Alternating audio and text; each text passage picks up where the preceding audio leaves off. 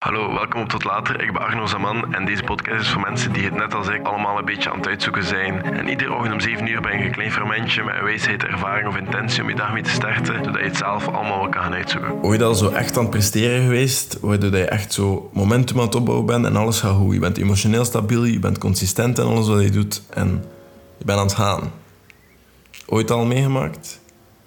Nu, dan gebeurt er plots iets. Je moet aanwezig zijn op evenementen. Je moet van locatie veranderen.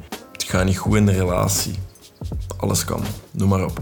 Maar die kleine dingen zijn soms niet genoeg om je momentum te stoppen. En dat is goed. Bijvoorbeeld, ik ben nu ook bezig met dagelijkse podcast. Ik maak nu heel veel TikToks en ik ga nu ook beginnen met YouTube terug op te pikken. Maar dan hoor je dan echt plots mij dat ik heel wat herexamens heb. Ik ben normaal gezien iemand die geen of een paar herexamens heeft en nu heb ik er toch wel enkele. Waar dat wel echt een, een bummer was. Nu, ik weet dat dat komt omdat ik dit jaar heel wat meer vakken op mij had genomen. En van meerdere richtingen en verschillende dingen had gedaan. En dat is nu niet het einde van de wereld dat dat gebeurd is.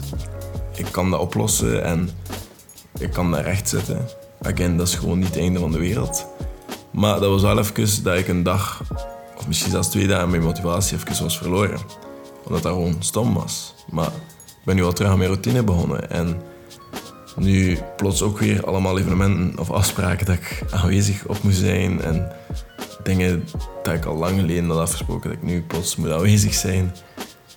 En dan verlies je routine, want je krijgt later in bed. En dan raak je er s ochtends niet meer uit. En plots ben je heel de momentum kwijt. En dat gebeurt. Zulke dingen gebeuren, maar dan hoor je plots ook soms grotere stenen dan dat je tegenwoordig smeten tot leven. Bijvoorbeeld, ik was nu aan het werken in een café even en er waren twee mannen waar ik geregeld mee sprak. Plots heb ik ook een heze stem, excuseer. Maar ik werkte in het café hierover, waar ik al even werk. En er waren daar twee mannen. En er waren twee mannen die heel slim waren, heel wijs. En ik... Hoor je dat? Dat is donder.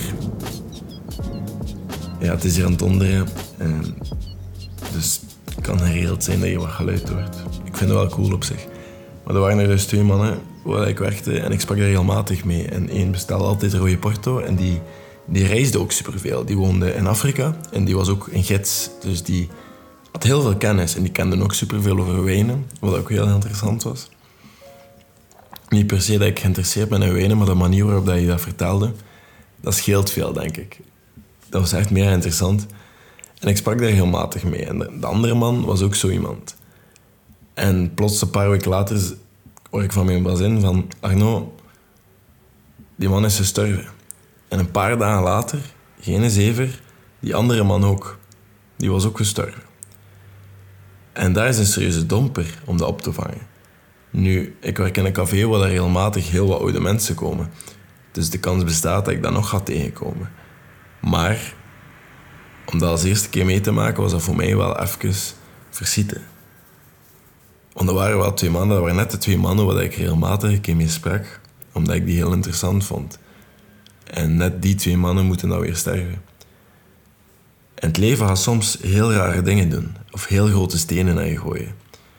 En dan ga je waarschijnlijk heel wat harder zijn tegen jezelf, omdat je dan niet doet wat je zou moeten doen en je denkt dan dat het allemaal jouw schuld is, dat het nu zo slecht gaat, want jij moet doen wat je moet doen. Maar het leven is soms gewoon echt ongelukkig en we verwachten dat soms niet. Het gebeurt. En ik heb het al eens over Murphy's Law gehad. Als het slecht gaat, gaat het slecht blijven gaan. En dat gaat soms ook gewoon echt zo lijken. En het is gewoon belangrijk dat we in zulke momenten niet onszelf nog een keer gaan bekogelen met van die stenen. En onszelf nog een keer de schuld gaan geven voor alles wat er gebeurt. Of jezelf gaan schamen omdat je nu niet doet wat je zou moeten doen. Soms gaan we gewoon door die emotionele hoogtes en laagtes waar we in onze routine raken en soms er weer uitvallen. En dan weer in de routine, terug in de flow, totdat er weer iets gebeurt. Maar dat maakt ons wel heel goed duidelijk door zelfreflectie hoe dat wij eigenlijk omgaan met tegenslagen. Hoe gaan we daarmee om? Gaan we zorgen voor onszelf, kijken hoe, dat, hoe dat we dat moeten oplossen, beginnen bij het begin? Of gaan we het juist moeilijker maken voor onszelf? Stel je nu voor, Stel nu, je bent aan het buitenspelen. Je bent een kindje van zes jaar en je, ja, je klimt in een boom. Als je een beetje was zoals ik, dat je overal in proberen klimmen. Je klimt in een boom en een stuk of tweede of derde tak, krak, bam, je valt naar beneden. Op je knieën. Je beide knieholtes geschaafd.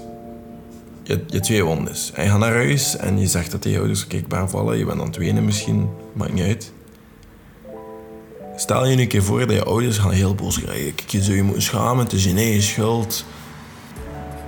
Je moet maar zelf oplossen. Stel je voor dat ze zo reageren. Dat klinkt heel ongewoon. Misschien niet zo ongewoon voor sommigen, maar voor de meeste mensen klinkt dat heel ongewoon. Dat klinkt heel abnormaal. Want in de plaats zouden ze beter reageren. Ze zouden kijken naar je wondes.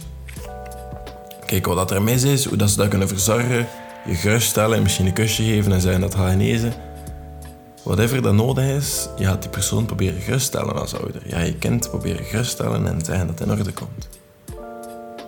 Je gaat je niet bekolen met schaamte, etc. Waarom doe je dat dan bij jezelf? We gaan onszelf stenen smijten naar die wonden en dan gaat die wonde heel openbarsten. Totdat die zodanig groot is dat je vastzit en dat je niet weet van waar moet ik nu beginnen met herstellen. Want je hebt het zo ver laten gaan. En dan is dat gesprek dat we hebben met onszelf, daarom is dat zo belangrijk. Daarom is dat zo belangrijk dat dat positief is en dat dat opbouwend is en niet afbrekend. En je kan hard zijn met jezelf. Je kan zeggen van oké, doe wat in je mond staat. Als je zegt dat je dat gaat doen, doe dat ook. Niet... Allee, je kan jezelf van controleren en opvolgen. Dat is, dat is heel goed dat je dat doet. Maar je moet dat ook positief doen soms.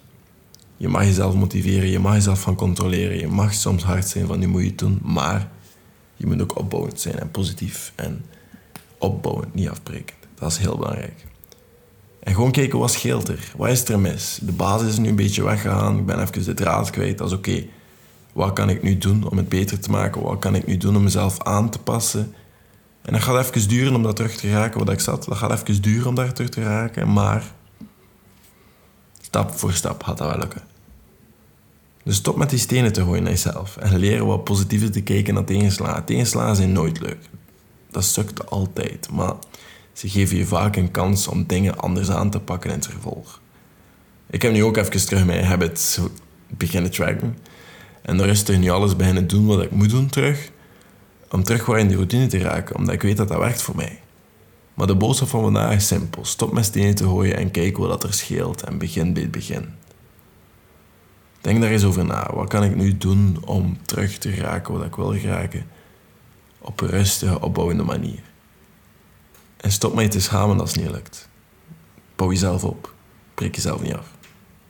Merci om te luisteren. Ik hoor jullie morgen. Dat is het voor vandaag. Tot later.